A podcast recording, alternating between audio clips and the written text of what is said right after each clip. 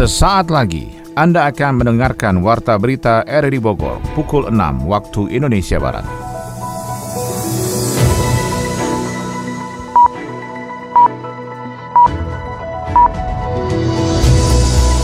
Selamat pagi dan salam jumpa. Kembali kami hadir dalam Warta Berita edisi hari ini, Sabtu 28 Mei 2022.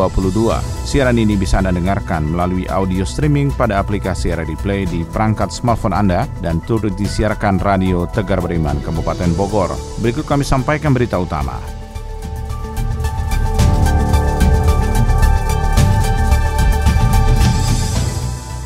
Menyimpan hewan berpenyakit kuku dan mulut, Dinas Perikanan dan Peternakan Kabupaten Bogor menutup sementara pasar hewan jonggol selama 14 hari. Diambil tindakan untuk memutus rantai penularan, memutus virus, itu kita lakukan lockdown 14 hari dan nanti setelah 14 hari kita evaluasi. Puluhan kilogram narkoba jenis sabu dengan nilai puluhan miliar rupiah berhasil diamankan Sat Narkoba Polres Sukabumi. Dua pelaku di antaranya masih berstatus DPO. Kita musnahkan 24,870 kg sabu. Tim Bogor Thunder Basketball atau BTB Putra Putri U18 siap berjuang di Indonesia Basketball Festival IBF Series Jakarta 2022.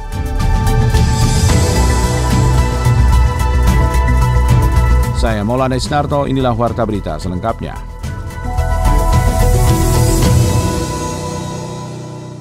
Akibat menyimpan hewan berpenyakit kuku dan mulut, Dinas Perikanan dan Peternakan Kabupaten Bogor menutup sementara pasar hewan jonggol selama 14 hari. Bagaimana informasi mengenai hal itu? Kita akan ikuti laporan Yofri Haryadi. Terkait dengan kasus PMK yang di Jonggol, kami sudah berupaya untuk sesuai dengan protap SOP yang ada bahwa penularan ini diakibatkan oleh aktivitas pasar hewan yang masih mendatangkan ternak dari daerah tertular. Dinas Perikanan dan Peternakan Kabupaten Bogor akhirnya menutup sementara pasar hewan jonggol selama 14 hari setelah setelah kedapatan 14 kasus penyakit mulut dan kuku PMK pada ternak yang dijual. Pada awalnya pasar hewan tersebut hanya 4 ekor sapi saja yang terindikasi memiliki PMK. Namun beberapa hari kemudian beberapa sapi lainnya pun turut tertular dan diduga berasal dari empat hewan pertama yang memiliki penyakit mulut dan kuku. Kepala Bidang Kesehatan Masyarakat Veteriner Kesmafet di Skanak Kabupaten Bogor Prihartini menjelaskan upaya preventif sudah dilakukan mulai dari memisahkan empat sapi yang terindikasi membawa penyakit dengan sapi lainnya. Namun adanya laporan dari suspek baru di lokasi itu, di Skanak Kabupaten Bogor segera melakukan penutupan sementara hingga belasan hewan ternak kembali pulih. Terjadilah penularan dan 14 ekor positif di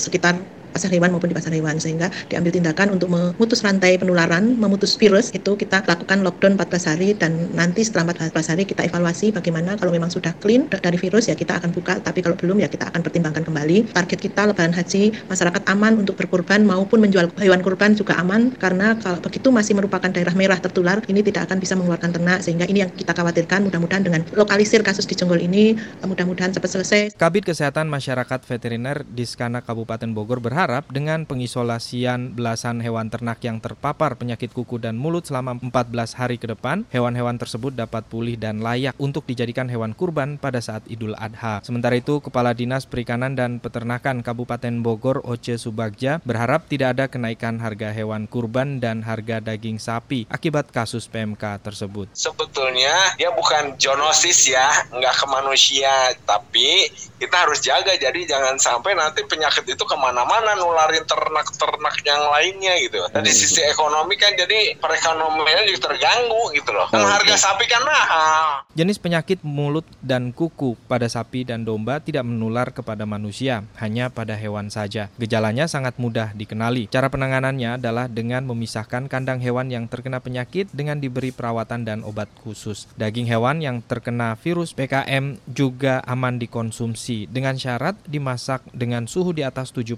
derajat. Polres Sukabumi bersama BNNK Sukabumi berhasil mengamankan narkoba jenis sabu seberat 24 kg di Kampung Caringin, Desa Nyangkowek, Kecamatan Cicuru, Kabupaten Sukabumi. Berikut informasi disampaikan Adi Fajar Nugraha. Polres Sukabumi bersama BNNK Sukabumi berhasil mengamankan narkoba jenis sabu seberat 24 kg yang disimpan di Kampung Caringin, Desa Nyangkowek, Kecamatan Cicuruk, Kabupaten Sukabumi. Barang bukti tersebut langsung dimusnahkan dalam satu tempat dengan menggunakan mobil insenerator milik Badan Narkotika Nasional pada Rabu kemarin. Dalam keterangannya, Wakapolres Sukabumi Kompol Bimo Murnanda menjelaskan, barang haram narkoba itu merupakan hasil penyelundupan dari gembong narkoba jaringan internasional dan jika ditaksir narkoba jenis sabu-sabu itu memiliki nilai mencapai 29 miliar rupiah. Kita musnahkan 24,870 kg sabu. Eh, tersangkanya dua yang kita sudah amankan. Tadi sudah dijelaskan sama kasat narkoba, jaringannya dari Cina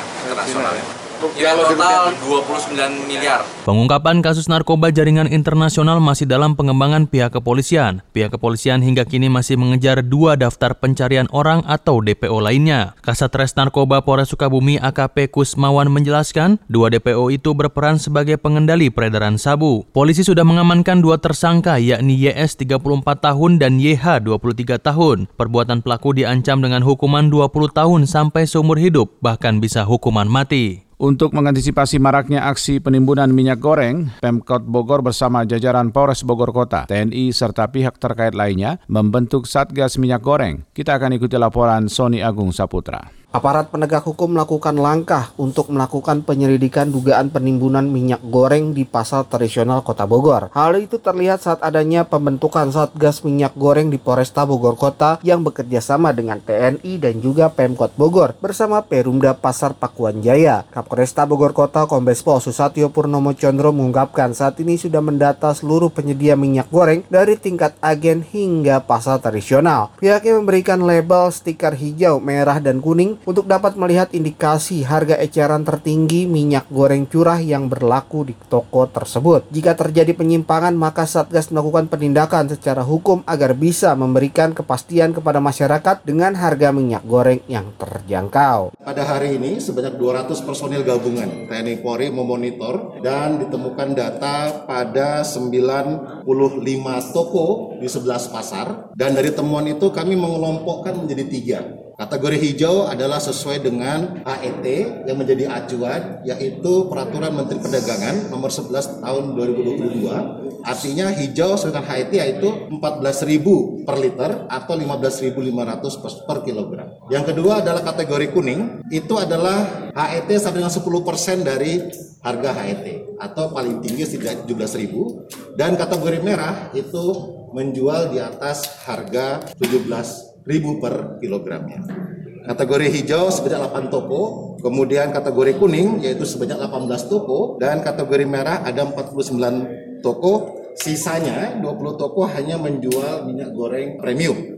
Sementara itu, Wakil Wali Kota Bogor, Dedi Rahim, menjelaskan, semua pasokan minyak goreng harus sesuai dengan rantai distribusi yang sudah ditentukan mengacu pada harga eceran tertinggi. Demikian juga melihat kondisi di lapangan, jika terjadi fluktuasi maka dilakukan penanganan agar masyarakat tetap dapat membeli minyak goreng dengan harga yang terjangkau. Jadi yang perlu ditindaklanjuti ya, lebih detail seperti apa yang sudah dilakukan oleh Satgas dalam hal ini dipimpin oleh Pak Kapolres adalah meneliti sedemikian rupa faktor-faktor apa saja yang kemudian bisa menjadikan harga minyak goreng ini tidak sesuai dengan harga eceran tertinggi yang sudah ditetapkan.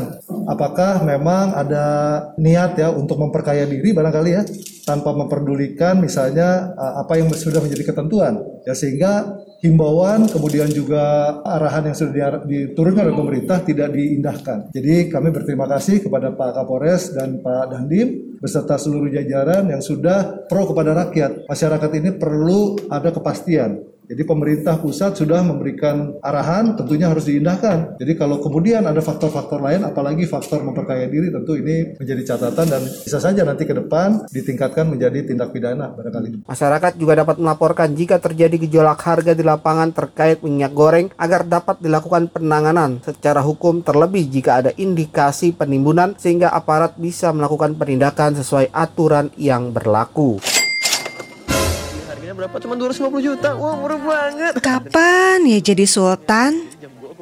Eh, Pit, mau kerja gampang tapi cepat kaya nggak? Ngapain? Ngepet? Ye, yeah, bukan.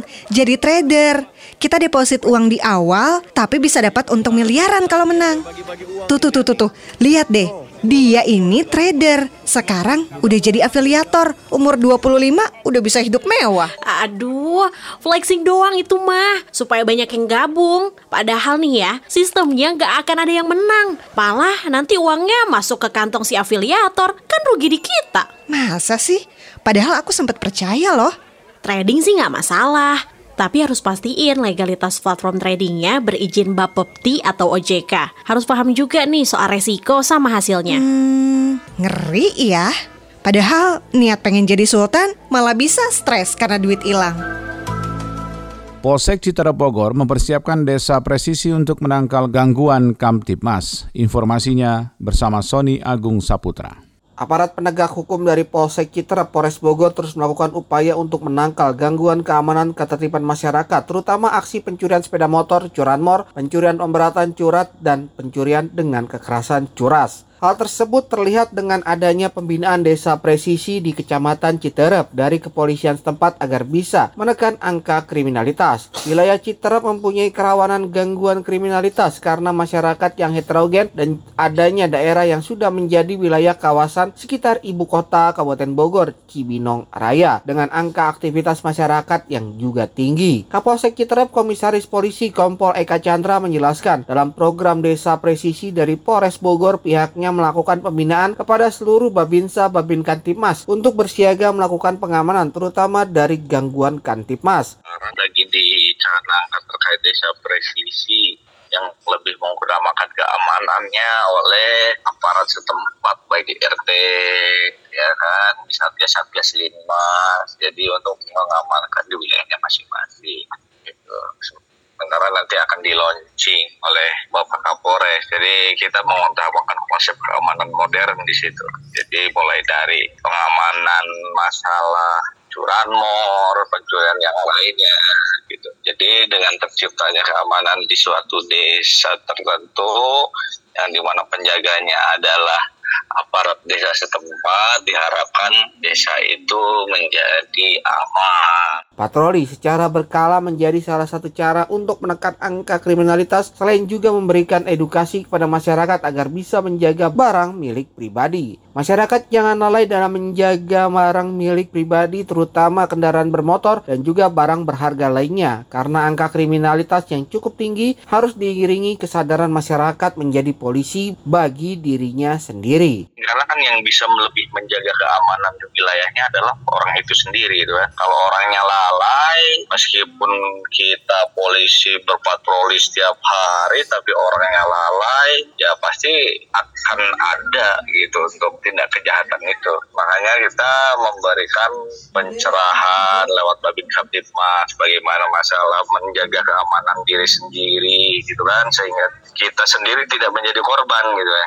Jadi jangan sampai kita sendiri menempatkan diri sebagai korban dengan kelalaian kita. Maka kita sampaikan ke Babin supaya penyampaian kepada masyarakat-masyarakat mengenai menjaga keamanan atau menjaga barangnya milik sendiri. Nantinya Desa Presisi akan menjadi salah satu program unggulan dari Polres Bogor untuk bisa bersama-sama masyarakat bahu-membahu mencegah terjadinya gangguan keamanan dan ketertiban dengan adanya sinergitas semua elemen untuk menjaga wilayah. Pengguna kereta api komuter lain Jabodetabek mulai hari ini mengalami perubahan relasi komuter lain yang melintas dari Bogor, Nambo, Bekasi, Cikarang menuju ke Kampung Bandan dan Jakarta Kota. Kita ikuti laporan Sony Agung Saputra. PT KAI komuter lain saat ini sedang melakukan peningkatan fasilitas sarana prasarana di stasiun Manggarai dengan adanya lantai 2 sehingga penumpang tidak harus menyeberang di lantai 1 tetapi memfokuskan pada pelayanan dua lantai tersebut. Manajer eksternal Relation Leza Arlan mengungkapkan untuk saat ini masyarakat pengguna komuter lain yang akan menuju dari Bogor dan Nambo ke Jakarta Kota akan dilayani di lantai 2 stasiun Manggarai di koridor 10 hingga 13. Sedangkan untuk tujuan ke Tanah Abang atau Angke dari Bogor harus berganti kereta api komuter lain di tujuan Bekasi yang berada di koridor 6 dan 7 lantai 1 stasiun Manggarai. Begitupun penumpang yang akan menuju ke Jakarta Kota dari Bekasi, Cikarang dan sekitarnya harus naik ke lantai 2 Menuju ke Jakarta Kota. Sedangkan untuk kereta api jurusan Bogor Angke sementara dihapuskan karena adanya perubahan rute komuter lain ini. Karena Manggarai nanti akan menjadi stasiun sentral yang stasiun ultimate, sekarang juga sudah prosesnya sudah 60 persen. 60 persen itu artinya sudah ada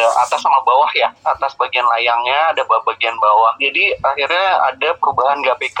S5 Manggarai ini ada perubahan perjalanan kereta yang mana nanti dari Bogor, Depok sama Nambut. Nggak ada yang ke Tanah Abang, Tanah Abang, Angke Jatinegara, tapi hanya melayani Jakarta ke Jakarta Kota PP gitu. Jadi pengguna yang mau ke Tanah Abang harus transit di Manggarai. Nah, di Manggarai itu pakai kereta apa? Perjalanan apa? Yang perjalanan dari Bekasi Cikarang.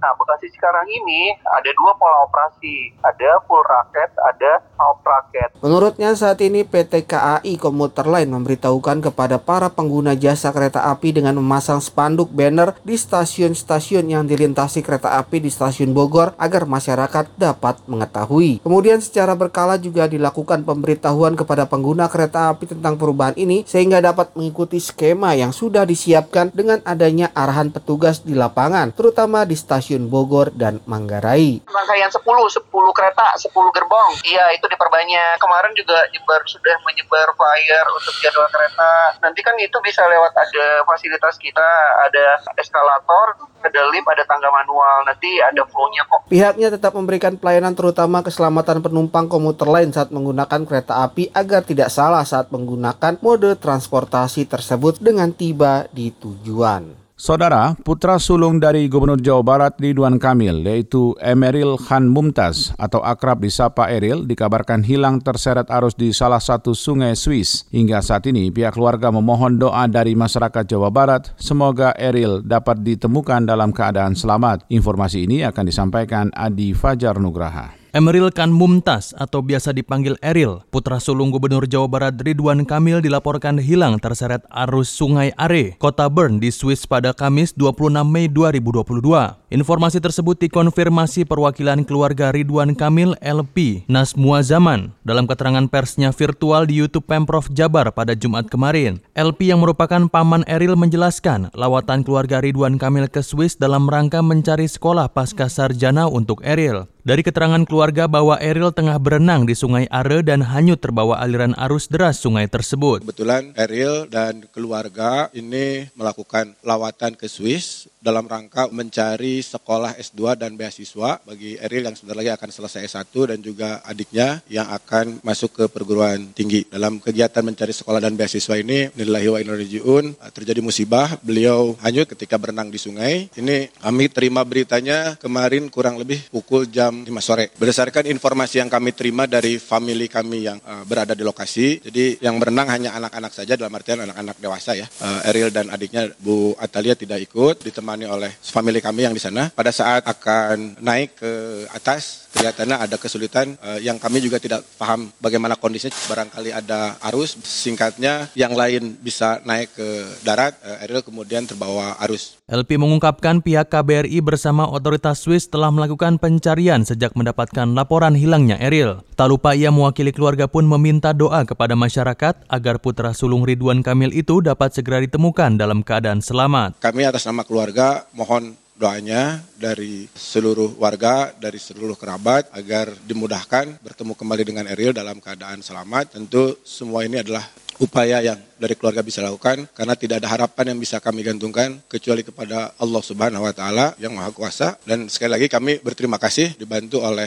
otoritas Swiss, KBRI dan Kementerian Luar Negeri dalam upaya pencarian uh, ponakan kami ini. Sementara itu pihak pemerintah Provinsi Jawa Barat yang diwakili Jubir Gubernur Jawa Barat Ahmad Taufikur Rahman menjelaskan saat kabar hilangnya kontak Eril dengan keluarga, Gubernur Jabar Ridwan Kamil tengah melakukan lawatan kedinasan ke Italia dan Inggris. Mendengar kabar musibah tersebut, Ridwan Kamil langsung bertolak ke Swiss pada Jumat kemarin dan diterima oleh pihak KBRI Swiss. Gubernur Jawa Barat bersama dengan delegasi dari pemerintah daerah Provinsi Jawa Barat melaksanakan lawatan ke luar negeri dalam rangka kegiatan pemerintahan untuk memenuhi undangan dari berbagai pihak, baik di Italia, maupun di Inggris. Pada saat beliau berkegiatan, beliau mendapatkan kabar dari keluarga mengenai hilang kontaknya Eril dan keluarga pada hari Kamis tanggal 26 Mei 2022. Setelah menerima kabar tersebut, Bapak Gubernur Jawa Barat menuntaskan kegiatan di Inggris dan langsung bertolak menuju ke Swiss. Hingga Jumat sore waktu Indonesia Barat, kondisi anak Ridwan Kamil masih belum diketahui. Pencarian akan terus dilanjutkan oleh tim SAR bersama otoritas terkait di Swiss hingga ditemukan keberadaan Eril.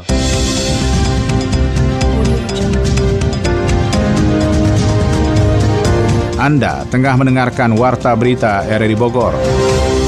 Dari dunia ekonomi, pertumbuhan jumlah investor di pasar modal terus meningkat secara signifikan selama masa pandemi yang didominasi kaum milenial atau usia di bawah 30 tahun. Direktur Pelaksana Dana Moneter Internasional IMF, Stalina Georgieva mengatakan, ekonomi dunia saat ini berada di posisi yang sangat kritis dan juga krisis. Adi Fajar melaporkan.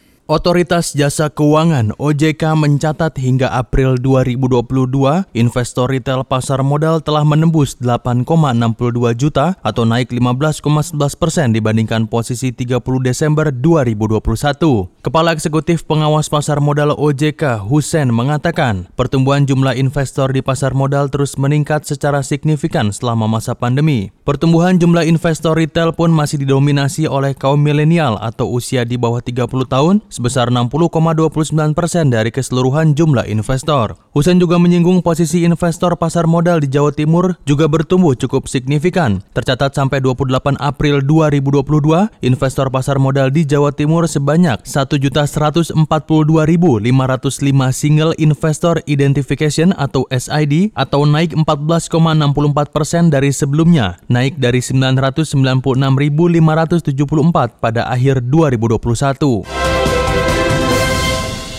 Direktur Pelaksana Dana Moneter Internasional atau IMF, Kristalina Georgieva mengatakan, ekonomi dunia saat ini berada di posisi yang sangat rawan. Pasalnya saat ini ekonomi dihantam berbagai macam krisis. Belum pulih dari krisis yang disebabkan COVID-19, Kini muncul krisis lain dari perang yang terjadi di Eropa. Sejak Oktober tahun lalu, IMF sudah dua kali menurunkan proyeksinya soal pertumbuhan ekonomi global. Kristalina pun memprediksi bisa saja IMF kembali menurunkan proyeksinya di tahun ini, mengingat beberapa upaya pengetatan kondisi keuangan dan apresiasi mata uang dolar. Hal itu dinilai dapat melemahkan perekonomian banyak negara berkembang dan miskin, belum lagi perlambatan rantai pasokan yang drastis di Cina. Terkait kekhawatiran terjadinya fragmentasi ekonomi global, Kristalina menambahkan bila hal ini terjadi, rantai pasok global akan sangat terganggu. Akan terbentuk blok perdagangan baru dan pilihan mata uang cadangan yang baru. Terakhir, IMF memproyeksikan pertumbuhan ekonomi global hanya mencapai 3,6 persen pada April lalu. Namun demikian, meskipun bakal ada penurunan proyeksi lagi, Kristalina yakin tidak akan sampai minus. Dan bila minus artinya gelombang resesi akan terjadi di berbagai negara.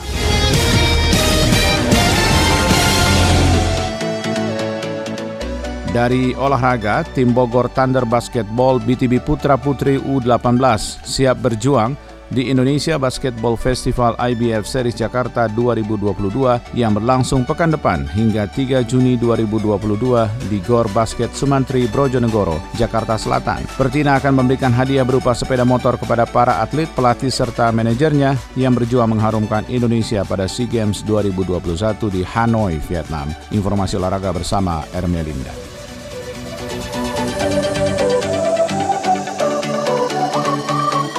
Bogor Thunder Basketball BTB Putra dan Putri usia 18 tahun ke atas akan berjuang all out pada Indonesia Basketball Festival atau IBF Series Jakarta tahun 2022 yang akan berlangsung di gelanggang olahraga Gor Basket Sumantri Brojonegoro, Jakarta Selatan pada 30 Mei hingga 3 Juni 2022. Bahkan sebelum berlaga pada IBF, tim Putra dan Putri BTB telah melakukan serangkaian uji coba dengan beberapa tim basket yang ada di kota maupun Kabupaten Bogor guna memantapkan skill individu atlet. Apalagi lawan yang bakal dihadapi pada IBF nanti merupakan tim-tim tangguh sehingga para pemain butuh game pemanasan jelang IBF. Adapun lawan yang dihadapi oleh tim BTB Putri usia 18 pada uji coba kali ini yakni Vicious Depok dengan poin akhir 18-81 kemenangan BTB. Sedangkan tim Putra melawan Cakra Sakti juga sukses meraih kemenangan dengan poin akhir 42-79. Sekretaris Bogor Thunder Basketball Bagus Priyo Wicaksono menyatakan timnya siap tempur pada IBF usia 18 tahun ke atas. Bahkan jelang laga, tim putra dan putri berhasil meraih kemenangan atas lawan-lawannya. Bagus mengatakan event IBF ini merupakan rentetan acara Road to FIBA Asia Cup Indonesia 2022 di Jakarta pada 12 hingga 24 Juli 2024. Bagus mengatakan klub Bogor Thunder Basketball bisa ikut bahkan satu-satunya klub dari kota Bogor yang ikut pada IBF Jakarta Series 2022. Namun kata Bagus keikutsertaan Bogor Thunder pada IBF Jakarta Series 2022 ini telah membuktikan bahwa pembinaan yang dilakukan klub Bogor Thunder Basketball selama ini berjalan dengan baik. Pengurus Pusat Persatuan Tinju Amatir Indonesia Pertina memberikan hadiah berupa sepeda motor kepada atlet, pelatih, dan manajer yang berjuang dan mengharumkan Indonesia pada SEA Games 2021 Hanoi, Vietnam. Pemberian hadiah sepeda motor tersebut merupakan apresiasi langsung dari PP Pertina dalam memotivasi atlet untuk bisa berlatih lebih keras lagi agar ke depannya bisa meraih hasil lebih baik pada event yang lebih besar. PP Pertina mengungkapkan salah satu kunci keberhasilan tim tinju Indonesia di SEA Games ke-31 Hanoi, Vietnam ini adalah kekompakan tim. Mulai dari atlet, pelatih, manajer, pengurus, dan ofisial pendamping tidak ada sekat. Semuanya menyatukan tekad untuk bisa menggapai hasil terbaik. Kekompakan tersebut sudah terbangun sejak persiapan di Ciseeng, yaitu Hengki Silatang Boxing Camp Kabupaten Bogor. Bahkan PP Pertina Komarudin menyampaikan capaian satu medali emas, tiga perak, dan satu medali perunggu ini bukan hanya sekedar melampaui target tetapi juga sejak awal kebangkitan tinju Indonesia. Namun Komarudin mengingatkan bahwa keberhasilan ini jangan sampai membuat ia dan timnya terlena sehingga lupa diri. Tetapi semua harus menjadi motivasi ke depannya agar lebih baik lagi. Sementara manajer tim tinju Indonesia Hengki Silatang mengatakan keberhasilan tim tinju Indonesia merebut satu medali emas, tiga perak dan satu perunggu pada SEA Games ke-31 Hanoi, Vietnam membuat negara-negara ASEAN mengakui bahwa tinju Indonesia mulai bangkit.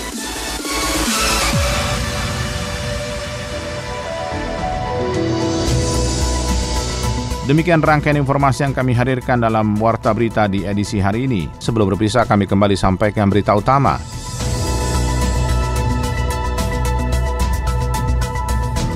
Menyimpan hewan berpenyakit kuku dan mulut, Dinas Perikanan dan Peternakan Kabupaten Bogor menutup sementara pasar hewan jonggol selama 14 hari. Puluhan kilogram narkoba jenis sabu dengan nilai puluhan miliar rupiah berhasil diamankan Sat Narkoba Polres Sukabumi. Dua pelaku di antaranya masih berstatus DPO.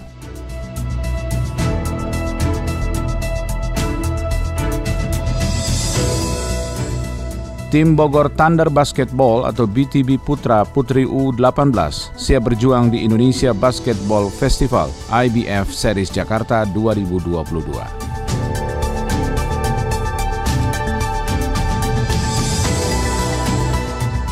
Mewakili kerabat kerja bertugas, saya Maulana Estarto mengucapkan terima kasih. Selamat pagi.